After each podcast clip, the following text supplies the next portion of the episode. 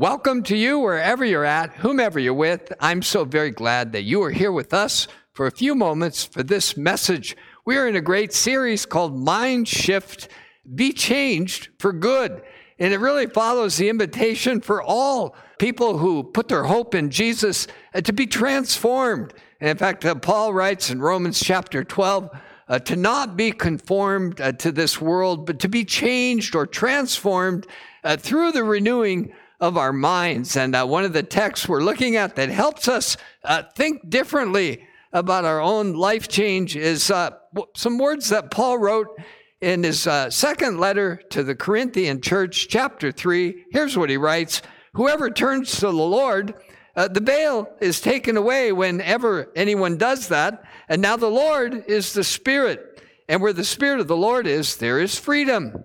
And all of us with unveiled faces contemplating the Lord's goodness are being changed, transformed into His image with ever increasing glory. This all comes from the Lord who is the Spirit. Uh, now, this is a profound uh, text on the kind of life change that really makes us different people. And in this passage, uh, Paul outlines four uh, kind of a sequence of events that take place to put us on a pathway of transformation. They are turn to the Lord, which is kind of the keystone uh, action. We looked at that week one. Uh, week two, step into his freedom freedom from sin, freedom from condemnation, freedom from judgment, guilt and shame, fear and insecurity, to step into the liberty that Jesus secured for us. And then in that place, uh, to behold or contemplate the glory of the Lord. And then, fourthly, to experience kind of transformation that is ever ongoing with ever increasing levels of wholeness and health and uh, before we move into today's teaching, uh, just a reminder uh, this idea of unveiled faces, kind of a metaphor. And what it means is that uh, everything that could stand as a barrier between you and uh, having a wonderful relationship with your Creator, the veil has been removed. There's no longer a cover up, no longer a barrier. And uh, really, the way we describe it is uh, being genuinely open and receptive to the enlightening, correcting and directing influence of the Holy Spirit. That'll change your life. Uh, to come to a place where, in our heart of hearts, we're uh, receptive uh, to the enlightening, where uh, truth can be made known to us, the correcting. Kind of what the psalmist said Lord, search my heart, see if there's any twisted way in me, and lead me in a better way. And, uh, you know, to be involved in that kind of interaction with God through His Spirit is indeed kind of the essence of what we're talking about in this series. And then the idea of transformation literally means uh, not thinking differently, not behaving differently, but becoming a different person, kind of like a caterpillar, metamorphing uh, into a butterfly. That same word is the kind of change that God is inviting us into. In this passage, it gives us the gold standard, as I said, these four elements. Well, today, we're going to look uh, specifically at this idea of contemplating, uh, beholding the glory of Jesus. As Paul wrote, he said, when we turn to Jesus, when we step into his freedom, uh, all of us with these barriers removed, unveiled faces, we contemplate the Lord's glory.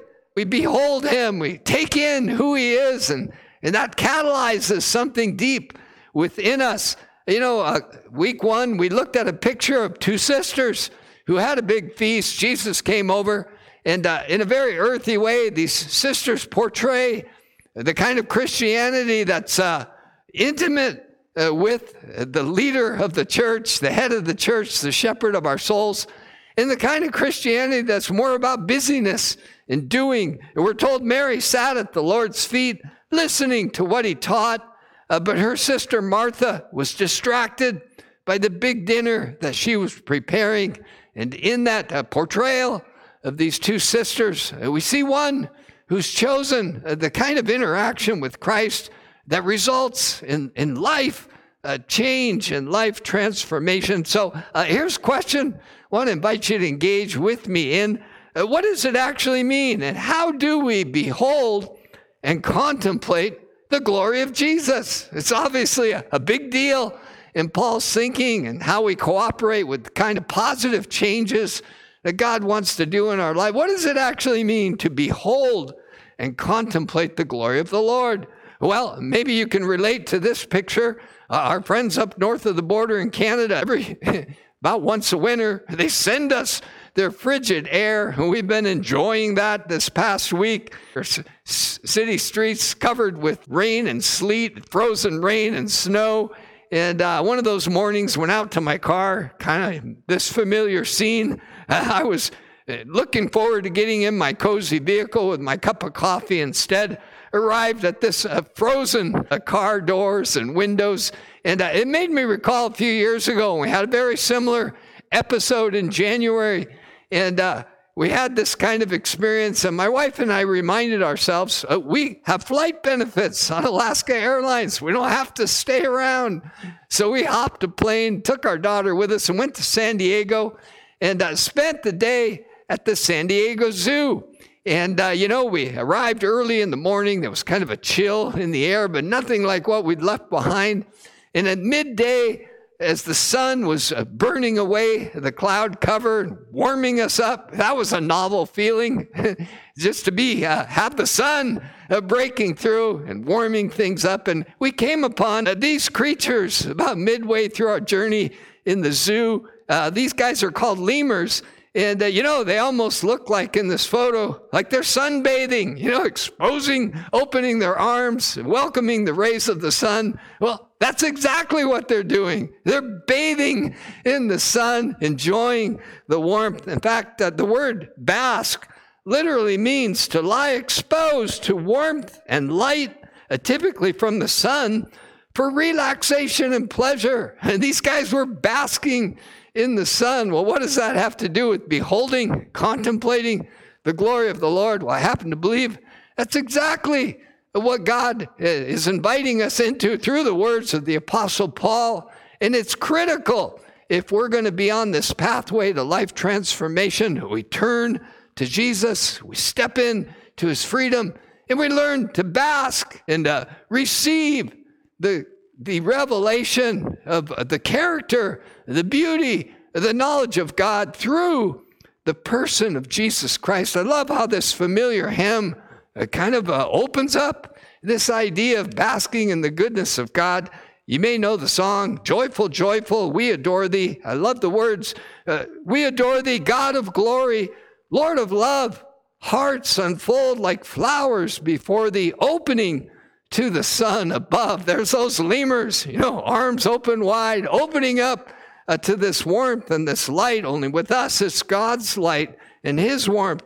And then the, the lyrics ask uh, God to melt the clouds of sin and sadness, drive the dark of doubt away, giver of immortal gladness, fill us with the light of day. And see, uh, that really does uh, amplify uh, what it means to behold and contemplate the goodness of the Lord, where you open up to His goodness uh, you invite Him to melt the clouds of sin and sadness that so often cover our minds and our hearts, uh, to drive the dark of our doubts away and fill us with immortal gladness, fill us with the light of day. Uh, you know, King David, he, he knew what it meant to behold and contemplate the goodness of his God. Here's what he wrote in Psalm 16 uh, God, you make known to me the path of life, and you will fill me with joy in your presence with eternal pleasures at your right hand. David knew uh, how to bask in the warmth and the light of who God is.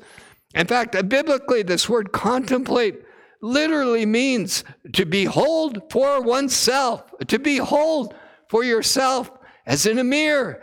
It's like when you pause and you notice your image in a mirror. You get up in the morning, you want to see you know, what damage the night did to you. And as you look in the mirror, as you get a revelation of yourself, well, Paul is using that analogy uh, to say to contemplate is to take in for yourself as though looking into a mirror the goodness and the greatness and the complexity of the beauty of who Jesus is. And there's something essential about that in our Christian experience. You know, one of the writers, I love to rehearse his thoughts, I love to read his letters. He was known as John the Beloved Disciple. he had a special connection to Jesus. He was close uh, to his Lord. And uh, here's what he wrote in his first epistle about his experience of Christ. He says, That which was from the beginning, which uh, God in the flesh, uh, which we have heard, which we have seen with our eyes, which we have looked at, and our hands have touched. This is what we're proclaiming concerning the word of life. And uh, John is saying, you know, it's not enough uh, to know Jesus at arm's distance. We need to look upon him, uh, actually see him as he is, behold him, touch him, take him in, uh, bask in the beauty of who he is. He said, The life appeared, we've seen it, we testify to it, and we proclaim to you this eternal life which was with the Father and has appeared to us. Uh, you know, here's uh, something I've seen in my own life in 40 years of working with the church, and I know it to be true. Uh, people get weird when they try to be Christian without resting in, relying on, and responding uh, to the beauty of Jesus Christ. Uh, people get odd, they get strange. Our behavior becomes kind of like Martha, anxious and troubled about many things, uh, rather than being changed and transformed as we behold and experience and welcome in uh, the goodness and the beauty of Jesus Christ. Well, I happen to know this also. Uh, to do that daily on a regular basis requires a miracle. In fact, I would say it like this to bask in and behold the glory of Jesus every day requires a miracle of revelation. God needs to turn the lights on, pull the curtain back, and allow us to see what we normally don't see when we think about and ponder the person of Jesus Christ. Well, that miracle of revelation is exactly what God wants to do for you and to do for us. And I believe through this message, He's already starting that process. In fact, a chapter later, uh, Paul will write these words about the revealing work of God. He says, For God, who said, let light shine out of darkness. Think about that for a moment. Uh, Paul is referring to the very act of creation where God spoke uh, and said, Let there be light, and trillions of stars broke in upon the darkness. Uh, Paul says that same creative power is at work in our hearts, uh, that God made his light shine in our hearts to give us the light of the knowledge of God's glory displayed in the face of Christ. Hear that again? The same creative power that spoke and said, Let there be light, and trillions of stars came to be. Uh, God is speaking authoritatively into our hearts, commanding light to come on uh, for one purpose that we would see his eternal character displayed in the person or in the face of Jesus Christ. Well, as we go to prayer, uh, I was thinking of a, a, guy who was healed of his blindness uh, by Christ. It's recorded in Mark's gospel. And uh, we're told in Mark chapter 8, uh, they came, uh, Jesus and his followers, to Bethsaida, and some people brought a blind man. And they begged Jesus to touch him. You know, this guy was blind physically, but often in the Bible, blindness, it's used as a metaphor of our own spiritual blindness. In this case, our inability to see the eternal God revealed, displayed in the person of Jesus, and to bask in that revelation. We're often blind uh, to that wonderful reality. And uh, notice uh, when Jesus uh, was introduced to this man, he took him by the hand and he led him outside the village. Uh, just he and Jesus. That's really what it comes down to. You and Jesus and what he would like to do in those moments uh, when he had spit on the man's eyes, not quite sure what that accomplished, but it must have excited this man that something was happening that had never happened to him before. And uh, Jesus put his hands on him and he asked him, Do you see anything? And literally, how are you seeing now? I love the guy's response. Uh, couldn't be more honest. He looked up. He said, I see people, uh, but they look like trees walking around. In other words, uh, is this it? Is this how it's supposed to work? Is there more? Well, there is more. We're told once more Jesus put his hands on the man's eyes.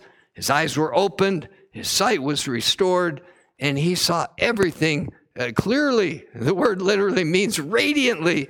And from a distance, happened to believe that's exactly what Jesus would like to do for us as we uh, get on this pathway of transformation, uh, would you pray with me? Lord, uh, we turn to you.